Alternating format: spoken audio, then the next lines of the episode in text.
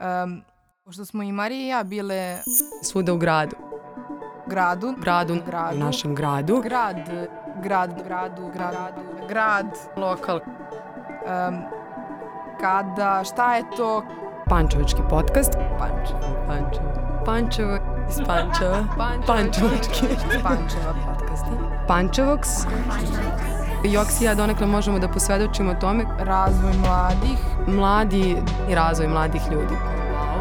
mladi, mladi, šta je mladima potrebno, a da se tiče mladih. Mlađi. Aktivizma. E, volontiranjem, organizacijama, Volonterske vode. volontiranje Nevladine organizacije. da organizujemo Zajednice. organizacije Karijerni put. priliku, podršku. Lokalne idole. Takav vid edukacije. Baš bih fazon da bude neformalno. Raskrinkama. Možemo Jo, sad, znači treba dovoljno optimistično da zvučim. Pančevoks podcast. Znači, krećem. Dobro, krećemo. Marija. Zdravo svima, dobrodošli u još jedan Pančevoks podcast. Moje ime je Marija Todorović i sa mnom je kao i uvek Jovana Jankov. Ovu emisiju ćemo posvetiti u potpunosti kulturi i možda jednoj temi o kojoj nismo pričali, a to je gluma. Tako ćemo razgovarati sa glumicom Sofijom Mijatović. Sofija je završila Novosadsku akademiju i e, trenutno je angažovana u pozorištu u Somboru. Takođe imali ste prilike da je gledate nedavno u predstavi Ja sam Akiko koja je imala zapravo premijeru u Pančevu. Zdravo Sofija, Zdravo ljudi. drago mi je baš što si sa nama i ajde da možda eto počnemo od toga kako si se uopšte ti zainteresovala za glumu. Prvo, hvala što ste me zvali, baš mi je velika čast. E, Kako sam se ja zainteresovala za glumu? Pa ja se nikada nisam glumom bavila, ni u osnovnoj ni u srednjoj školi. Tako da nisam prošla ono vreme glumačkih sekcija i tako kako to već inače ide. Recimo da sam, verovatno, recitovanje je to nešto što je mene privuklo, približilo glumi. I zapravo ja sam mislila da ću da upišem srpski jezik i književnost. Bila sam uverena od petog razreda osnovne škole da će to da bude tako. I ne znam, nekako se samo desilo u trećem razredu srednje, pošto sam išla u gimnaziju, prvu Kragujevačku, posle ne znam kog takmičenja, recitovanja i smotri. Posle jedne od tih smotri član žirija mi je prišao i pitao me da li sam možda zainteresovana da probam. To mi do tad nikad nije palo na pamet. I onda sam ja posle trećeg razreda jako brzo nešto spremila prijemni jer sam želela da vidim kako izgleda forma. Izašla sam na FDU tada, nisam prošla naravno. I onda sam rešila da posle četvrtog razreda se kao ozbiljnije spremim. I onda sam upisala u Novom Sadu. To je bilo presmešno, ali je bilo jako lepo. Mama i tata nisu, bili su šokirani zapravo kad sam im rekla, čini mi se da nisu verovali u to da ću zapravo upisati. Nego su eto tako odlučili da, da ne bude posle, da mi je ostala neka želja neostvarena, tako bitna jel, kao izbor profesije. Kad sam upisala to je bio baš šok. Pozitivan i prijatan naravno, ali ovo, eto, tako se sve to slučajno nekako izdešavalo. Kako je izgledalo samo studiranje u Novom Sadu? Pa ja mislim da je to najlepše moguće studiranje koje čovjek može sebi da priušti. Stvarno, zato što ja dolazim iz tako jednog manjeg mesta, to je Gruža, blizu Kragujevca.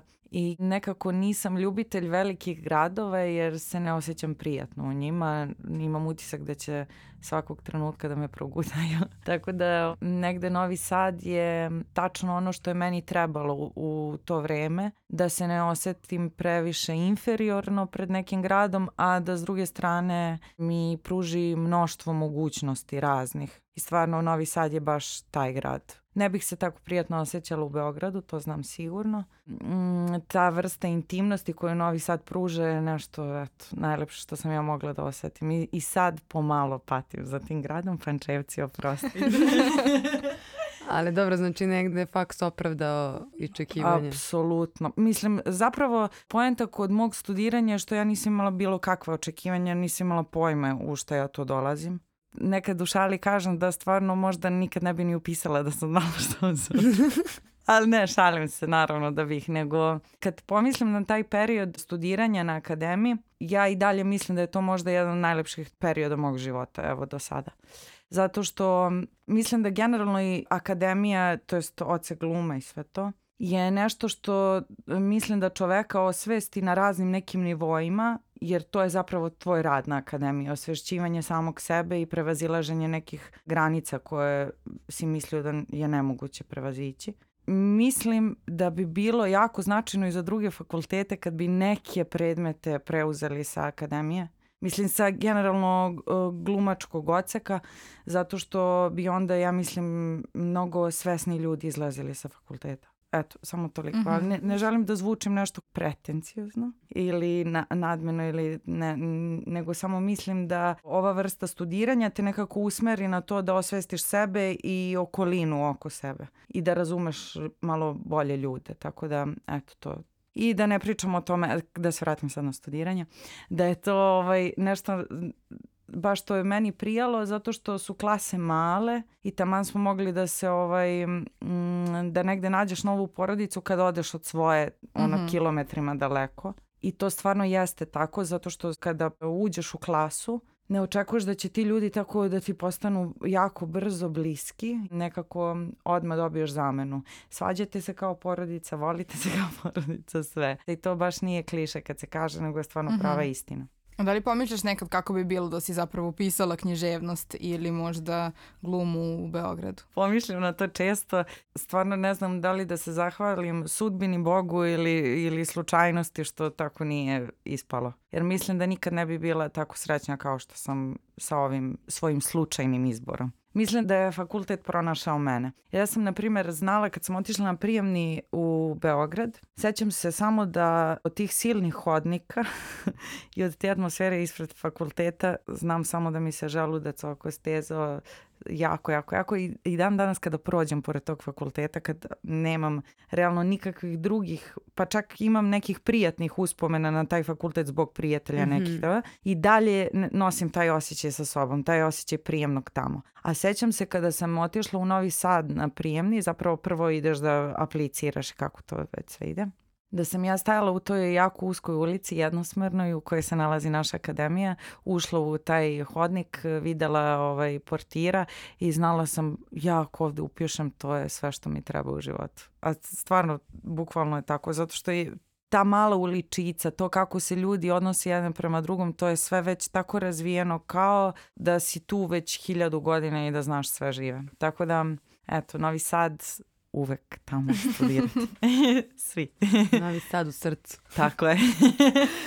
e sad, reci mi, ti se pretežno baviš e, glumom u pozorištu, da. e, ali opet s druge strane snimala si i određene, određene stvari, pa eto, ajde da napravimo možda tu Paralelu. negde paralelu e, kako je uopšte kao igrati u pozorištu i kako je s druge strane snimati, ne znam, film, seriju ili šta god. Do pre mesec dana da ste me pitali ovo isto pitanje, ne bih znala ništa da vam kažem što se tiče filma ili snimanja, zato što stvarno sam imala jako, jako malo, baš sam imala malo iskustva sa snimanjima i sa kamerom. Evo sad sam skoro pre 15 dana imala manju ulogu u drugoj sezoni Klana i dobila sam isto jednu epizodnu ulogu u Složnoj braći, o nastavku. Mm -hmm ljudi kažu da je to isto i ja verujem da je isto. Ne, sa sigurnošću ne mogu da tvrdim nikakve stvari, osim da je meni dosta prirodnije glumački poziv u pozorištu. I kroz studiranje smo mnogo više imali dodira sa pozorištem, mm -hmm. bazirano nam je na, na jednostavno na pozorištu. Mislim da bi trebalo mnogo više da snimam da bi mogla da napravim tu paralelu, ali s ovim malo skromnog mog iskustva mogu da kažem. Jednostavno, kada je snimanje u pitanju, moraš da budeš fokusiran na mnogo više stvari. To je nešto što se verovatno radom stiče i, i uči. Ja to još uvijek nemam i prosto sam prezbunjena kad treba tako nešto. Ne znam gde mi je kamera, ne znam gde mi je reper, ne znam kontinuitet, koja scena je bila pre ovoga. Meni jako to bude stresno. A jednostavno pozorište mislim da je moja ljubav i to je nešto što sam osetila od prvog trenutka kad sam krenula da studiram, a i pre toga. Mm, nekako kad staneš da igraš predstavu, znaš odakle si došao, znaš gde si pošao, znaš neke osnovne svoje stvari, a ovde jednostavno samo bih rekla da je ovo nekako prirodnije. Mm -hmm. A ovo su neki uslovi malo veštački napravljeni secka se, pomera se, stavlja se negde nešto blefiraš, gledaš tamo, a kamera ti je tamo, a ne smeš da pogledaš u kameru, a nešto ti je ovako jako blizu i ti stalno imaš osjećaj da te neko gleda i sad dosta tu ima tih, čitala sam razne neke stvari, naravno, to kao kamera može da bude neka devojka ili frajer koji te gleda sa strane pa te jako voli, a ti se pravi važno. Mislim, naravno, sve to naravno, ali ja stvarno još uvijek nisam došla do tog stepena. Nadam se da hoću ne znam, reditelji. Evo. Evo prilike. Evo da. prilike. Kad smo se već eto dotakli pozorišta, nedavno je bila premijera predstave Ja sam Akiko po tekstu Stefana Tićmija, pa kako je to proteklo? Kako je uopšte došlo do saradnje sa Stefanom i uopšte rad na tom tekstu, jer je njegova knjiga poprilično napravila neku vrstu, ja mislim, buma da, u da. književnosti za, za decu. To je tako jedna ludilo priča. Mislim, samo moram da kažem da je rad na toj predstavi definitivno moj najljubavniji proces koji sam imala do sada. To je nešto najlepše što sam uradila. Ljudi, cijela ekipa, nekako smo se našli. Toliko je proces bio lep da ja stvarno u poslednje vreme toliko puta ponovim u, u poslednjih mesec, dva, ja ne znam kako ću da uđem u bilo koji drugi proces. Ja ne znam kako ću da radim s drugim ljudima i to se toliko puta čuje od raznih ljudi iz te naše ekipe. To je krenulo tako što sam ja dobila knjigu, ja sam Akiko od svog momka Miloša Lazarova. Pozdrav za Miloša, Miloša javi se. dobila sam knjigu od njega pre jedno 3-4 godine i ona je tako tu stajala kao mnoge knjige na mojoj policiji, ne hvalim se. Žao mi je Stefane, oprosti mi, evo. Dugo je stajala i onda sam ja dobila poziv za Zmajeve deče igre festival u Novom Sadu dečeg pozorišta, monodrame, jel te? Ako sam zainteresovana da napravim predstavu i da ovaj, učestvujem. Ja i moja zauvek rediteljka Milja Mazarak ovaj, smo pričali o tome šta bi mogli da radimo i, i ovaj, ja sam se setila da imam knjigu na polici, pročitala sam je u dahu i otplakala 56 puta između i završila i rekla sam sebi da ja da li za zmajeve ili ikada nekada u životu moram da napravim tu predstavu. Pozvala sam Milju, ona je pročitala i mi smo rešili to je to, spremamo za zmajeve. I napravimo za zmajeve tu mini našu predstavu koja je trajala nekih 18 minuta, zapravo 22 ili tako nešto. I bili smo jako, jako srećne nas dve, tada je Igor Greksa radio s nama pokret Nas troje smo napravili za baš kratko vreme tu predstavu i otišli smo i dobili smo nagradu. Posle toga smo mi ostali odlučni u ideji da napravimo celovečernju predstavu za decu, zato što taj tekst stvarno tretira brdo nekih bitnih tema koje u pozorištu, posebno kada je pozorište za decu u pitanju, nisu toliko zastupljene.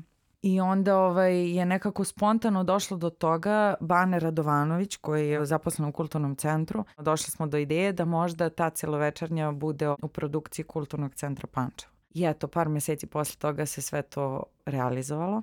Stefana sam zvala za prava prvo za Zmajeve deče igre. Ja inače kada vodim te razgovore poslovne, ja sam prezbunjena a onda se ispostavilo da i čovjek s druge strane je prezbunjen, pa je to izgledalo taj razgovor da je neko snimio, ja mislim da bi to bilo antologijsko, nešto što je trebalo bi da se pušta, kao šta sve ne pri razgovoru za prava. Pošto je, ja sam njega zvala i sad sam očekivala nekog tamo uštogljenog pisca, ne znam, I kažem, dobar dan, izvinite gospodine Stefane, gospodine Stefane. ja sam ovaj, znate, a to sad ti treba njemu da saopštiš da bi radila to, da bi radila za zmajeve, da nemaš para, da mu daš ništa i da mu obećaš nešto. I to je bilo, dobar dan gospodin, on, uh, da, ja rekao, pa znate, mi bismo možda radili to. On kaže, Već jedna zvala iz, iz Novog Sada, hoće ona da radi sa sve leskovačkim onim akcentom, onim njegovim. I ispostavi se da je on jedan predivan mladi čovek koji razume sve, posebno situaciju mladih ljudi trenutno u umetnosti. Dao nam je ovaj prava bez, bez pogovora, naravno. Došao je na Zmajeve, gledao je, sve to bilo predivno, prelepo, bio jako zadovoljan Na tim zmajevim igrama inače je još jedna naša koleginica Isidora Valčak isto radila monodramu Ja sam Akiko. Mm -hmm. Tako da je ona radila Ja sam Akiko, a mi smo dodali Ja sam Akiko i Ja sam super. Bilo je jako smešno i lepo i posle toga kad smo ovaj, dobili zeleno svetlo od kulturnog centra, javili su se kao koproducenti ljudi sa čela festivala FEPA, festival ekološkog pozorišta. Sonja Petrović je bila na čelu cijele te ekipe, tako da smo sa te dve koprodukcije napravili, ja mislim, baš jednu bitnu i lepu predstavu za decu od ostatka ekipe sad ovako, ako smijem da navedem, čisto da se ne, osta, ne osete zapostavljenim, zato što su oni podjednako napravili tu predstavu kao i ja. Milja Mazarak koja je radila režiju, Mina Miledinović, naša magija, tako je zovemo, je radila scenografiju, Bilja Grgur i Miloš Janjić. Dobro, kostim. Ja. Da, kostim, tako je. Onda, samo da vidim, muziku je pisao Nikola Dragović. Nikola Marinkov je radio svetlo. Ja sam igrala. Stefan Tić mi je, e da, izvinite, dramaturgiju, naša dramaturškinja, sad bi bila ponosna zbog ovog izraza, e, je radila Isidora Milosavljević, divna jedna žena, tako da smo ovaj, na, od teksta pa sve do kraja svi radili sve kao podjednako važna ekipa, svi smo učestvovali u svemu.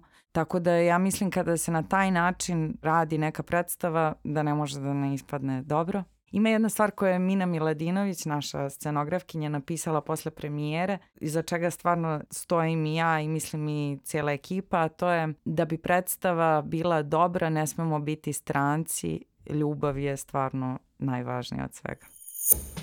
Slušajte, Pančevac mi smo odlučili, pošto stvarno ko je čitao tekst videće da su to razne teme otvaraju i vrlo često ljudi nisu sigurni da li je to štivo za odrasle za ili za da, decu da. i to je ono što ja mislim i jeste čar i teksta i predstave. Otvara razne teme i bilo je tu nekih tema koje sam ja jako žela da bude u predstavi, ali naša rediteljka je u pravu za te neke određene teme je potrebna zasebna predstava da se uradi. Jedna od bitnih tema koju ja nisam nigde ranije srela jeste tema samoubistva koja se u jednom poglavlju ovaj, otvara, ali Milja je bila u pravu. Ja sam jako želela da se na neki način to prouče zato što stvarno mislim da to uopšte nije zastupljeno u pozorištu za decu, književnosti, nekako imam utisak da se deca previše čuvaju od nekih bitnih tema i na taj način se ne pripreme dovoljno za neko doba koje dođe jako brzo odmah zapravo posle srednje škole ili fakulteta.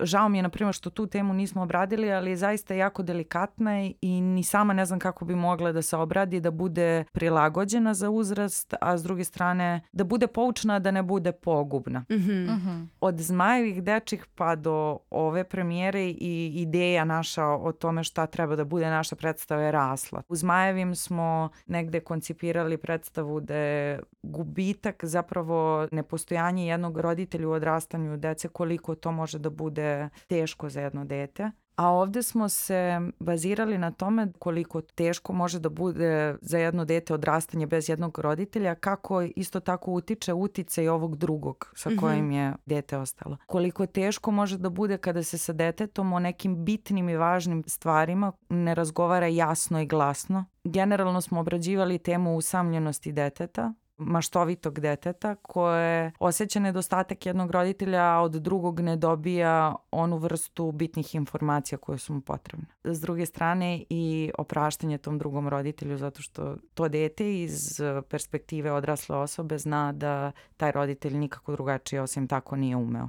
A sad kad smo se to malo i dotakli ovaj, pozorišta za decu, Eto, pomenula se, na primjer, e, temu samoubistva koja uopšte nije obrađena u pozorištu, pa eto, šta misliš da još možda kao koje su neki problemi eto, koje ima, da kažemo, dečije pozorište u kontekstu toga da možda se nedovoljno obrađaju neke teme ili kao, eto, kako uopšte vidiš tu, ajde da kažemo, nazovimo scenu? To je stvarno odlično pitanje.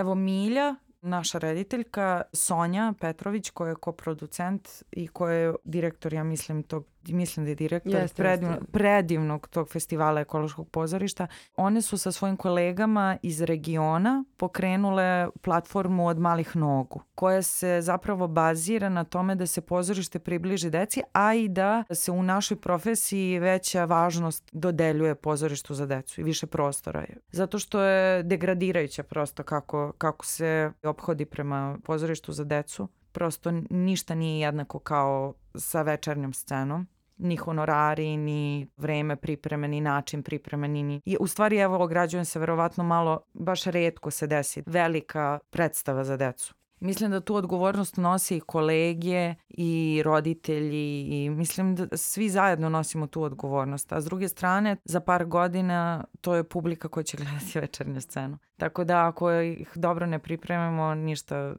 nećemo uraditi kako treba. Da s te strane Milja, Sonja i kolegi iz regiona i platforma koju su pokrenuli mislim da će značajno promeniti stvari u nekom narednom periodu.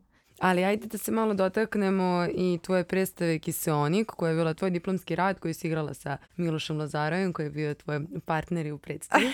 pa eto, hoćeš da nam kažeš nešto o tome, možda i ta predstava je igrana takođe u Pančevu. Da, ona je igrana u Pančevu. To je bio moj master rad. Ja sam uh, uradila to, ponovo Milja Mazarak je bila ovaj, rediteljka projekta uh, predstave. Uh, rađena je u produkciji Narodnog pozorišta Sombor i tamo je ostala na repertoaru gde igramo bar jednomesečno. Duodrama je u pitanju, pisac Ivan Viripajev, ruska postdramska književnost. Igrali smo po raznim festivalima, međutim baš kad je trebalo da krene njen festivalski život desilo se ovo mm -hmm. doba korone, tako da nas je malo omelo u tom smislu, ali se nadam da će sada nastaviti sa svojim festivalskim životom. Mislim da je to bilo vrlo značajno za mene, taj proces, zato što baš sam pričala sa Miljom da mislim da Kiko ne bi mogla da bude urađena na ovaj način, da ovaj jednostavno nije bilo kiseonika, jer on je meni bio baš onako bitna prekretnica u nekom glumačkom razvoju jer ja sam tokom studija osnovnih sekla vene na realizam, Čehova, Stanislavski. I baš zbog toga sam želela sebe da bacim u vatru i da probam nešto što mi nije toliko blisko i zato sam izabrala pozdravsku književnost i sećam se kad sam Kiseonik pročitala po preporuci jednog prijatelja da sam znala da ja ne, nemam pojma šta se tu dešava i šta sam ja pročitala, ali sam znala da, da me nešto privuklo i da jako želim baš to da postavim jer nisam ni u najluđim snovima mogla da zamislim kako će to da izgleda. A negde sam osetila da bi bio odličan prostor za razvoj i mene i mog kolege i partnera. Mislim da nisam tu pogrešila stvarno i nisaki se o nikom. Evo sad baš prebiram po mislima poslednjih dana kako su to dva najznačajnija projekta koje su mi se desile u životu do sada i kako sam oba projekta negde ja sama bila inicijator. Tako da sam shvatila da smo napravili predstave koje zaista volimo da igramo i kojima se radujemo i da je to bilo sve zato što smo prepoznali neke teme i bilo je ili da ih ispričamo ili da nije bilo zapravo druge mogućnosti. I negde verujem da kad su svi samostalni projekti u pitanju, da jedino ta želja može da napravi nešto dobro. Da samo vratim na Kisonik. Kisonik stvarno otvara brdo nekih raznih tema od religije do savremenog doba, do toga šta je ljubav u savremenom dobu, kako da je prepoznaš, koliko zapravo malih univerzuma u, u jednom čoveku postoji, koliko sudara svetova u ljubavnim odnosima, u, u svakakvim odnosima i kako kroz današnje toksično vreme realno čime čovek i kako da se vodi, a da ostane negde ispravan pred sobom odgovor ćete saznati kad budete Dobro, možda je zapravo i to negde suvišno to objašnjavanje dok se možda kao ne, ne pogleda i sama da. predstava. I... Par nekih, eto, to, to su neki par stvari koje nadam se da sam ovaj, pokušala da ustavim u par rečenica, da, da bar malo dam ljudima orijentir o tome šta, šta je kiselnik zapravo i zašto taj naziv i sve to. Mislim, toliko bi mogla samo o tome da pričam. Taj tekst je zaista prepun tema. Prepun mm -hmm. raznih tema. Tako da ovaj, je bio pravi izazov na tome raditi. Mi smo dugo samo analizirali tekst. Ja stvarno nisam znala odakle da mu priđem i kako.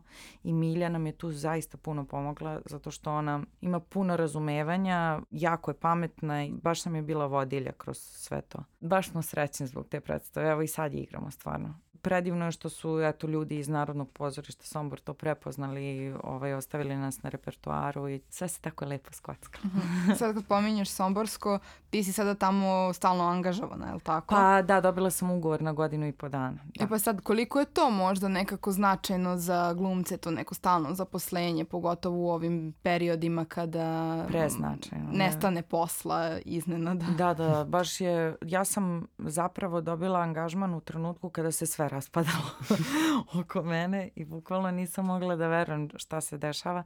Ja sam tamo uskakala često, već sam radila par projekata ranije, pa od tog kiseonika. Zapravo prvo je bila jedna dečija predstava, pa je kiseonik, pa je još par nekih projekata. Tako da sam ja čest, bila ovaj, često u Somboru i često sam tamo igrala i negde sam jako to želela zaista zato što to pozorište neka idila na koju čovek kad je samo malo u ovim vodama pomisli da to jednostavno nije stvarno i nije moguće. Oni su nešto najpribližnije pozorišnim snovima što sam ja mogla da ikada sanjam ili vidim u okruženju. To je jedan mali ansambl koji se bavi časno, čestito i predivno svojim poslom koji se vole među sobom, koji se poštuju među sobom, koji dolaze jedni drugima na premijere, prave salate, takmičenju salatama utorkom, daju ocene jedni drugim, istinski se ljute kada neko izgubi i to i, zaista i kažu. I to je meni toliko lepo. E, to je kao da posle klase nađete još jednu klasu. Mm -hmm. A što se tiče korone i zaposlenja, koliko god ljudi pričali možeš ti da uradiš nešto svoje i jeste. Ja sam bila i sa jedne i sa druge strane. Ova vrsta sigurnosti je nešto što je vrlo značajno i rasterećujući. Kada imaš vremena, kada nisi angažovan, onda i možeš i imaš privilegiju da možeš rasterećeno da razmišljaš o tome šta bi mogao da napraviš. Jednostavno je tako. Ja sam u pola korone dobila taj angažman. Zapravo 6-7 meseci smo ja i moj partner Laza živeli tako, eto, bez ikakvih primanja, nismo bili zaposleni ni on i ja. Tako da znam i jednu i drugu stranu i znam koliko je nama bilo lakše kada sam eto dobila taj angažman. I ja ne, stvarno ne mogu tim ljudima da prestanem da budem zahvalna u životu svom zato što su to uradili baš tog trenutka.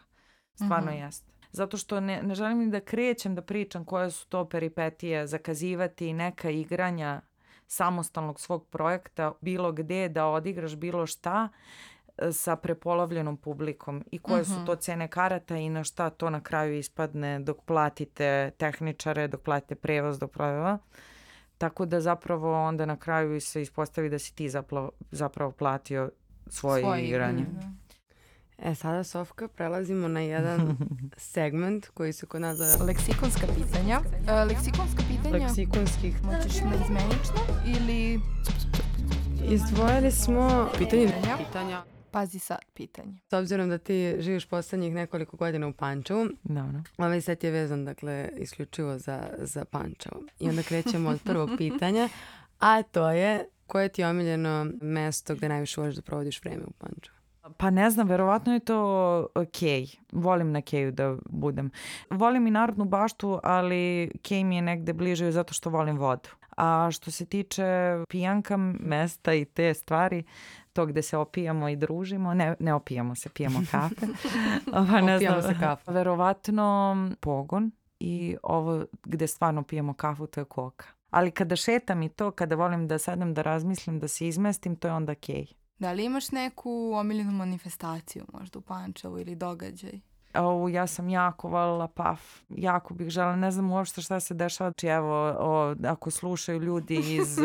apel, uh, znači, apel ljudima iz opštine, iz dajte opštine, pare PAF-u. dajte, bukvalno ono, to je znak Pančeva. Ja gledam sad, mi smo Akiko, ja sam Akiko je bila premijera na Budi festivalu. Gledam koliko se i ti ljudi muče da organizuje festival i da održe nešto što je stvarno klincima ono preznačajno i predivno. Kakve face se tu pojavljuju, mhm. -huh. koji ljudi dolaze na radionicama i nije mi jasno uopšte kada će ljudi krenuti ja prepoznaju takve stvari i baš sam onako ljuta zbog toga. Strašno. Da, eto, paf mi je bio.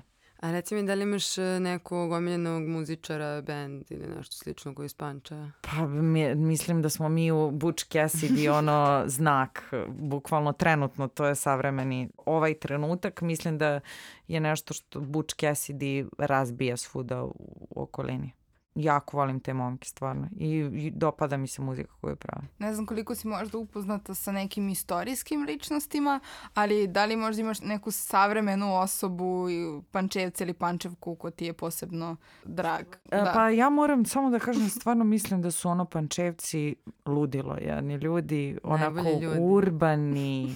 Kad sam se ja, pošto moj momak Pančevac, evo, Miloš Lazarove ovo treći put. Ja kad sam ga uh, srela, ja sam bila u fazonu, pa da, vrate, posle sam skontala, ti pančevci, ti su ljudi, ono, moraju da budu urbaniji od Beograđana, razumeš? Ako Beograđani nose starke, ovi nose vansice, ako ovi, ne znam, sviraju gitare i to nešto kao blesave se, o Laza svira didgeridoo, razumeš? Znači didgeridoo, vans, pocepane farke i to je to. Kako prepoznaš pančevci? Izvini, šta sviraš? Didgeridoo. Aha, ti si iz Pančeva. Znači, to bukvalno. I onda sam ga zezala da su to neki kompleksi blizine uh, Beograda ali to ne sam više nikada ponovim nikome, tako da ovaj deo možete i da sečete. E, da, ostalo, šta, e, da, šta bi voljela da budeš kada porasteš? pa voljela bih da budem m, dobar čovek i glumica. I šta bi poručila mlađoj sebi? Nećeš tako loše ispasti. Samo se drži. Safija, hvala ti puno što si bila naša gošća, uživala smo u razgovoru. Hvala vama, baš mi bilo divno. I poruka slušalcima i slušateljkama da pogledaju i Kiseonik i ja sam Akiko. Dođite, nama bi baš bilo drago. Pančevox podcast je nastao u produkciji Krokodil studio u Pančevu. Autorke Pančevox podcasta su Jovana Jankov i Marija Todorović. Producent Vuk Stevanović. Ja sam Sofija Mijatović, slušali ste Pančevox. E, zeznam se ljudi, stvarno. Ali ne, ovo je...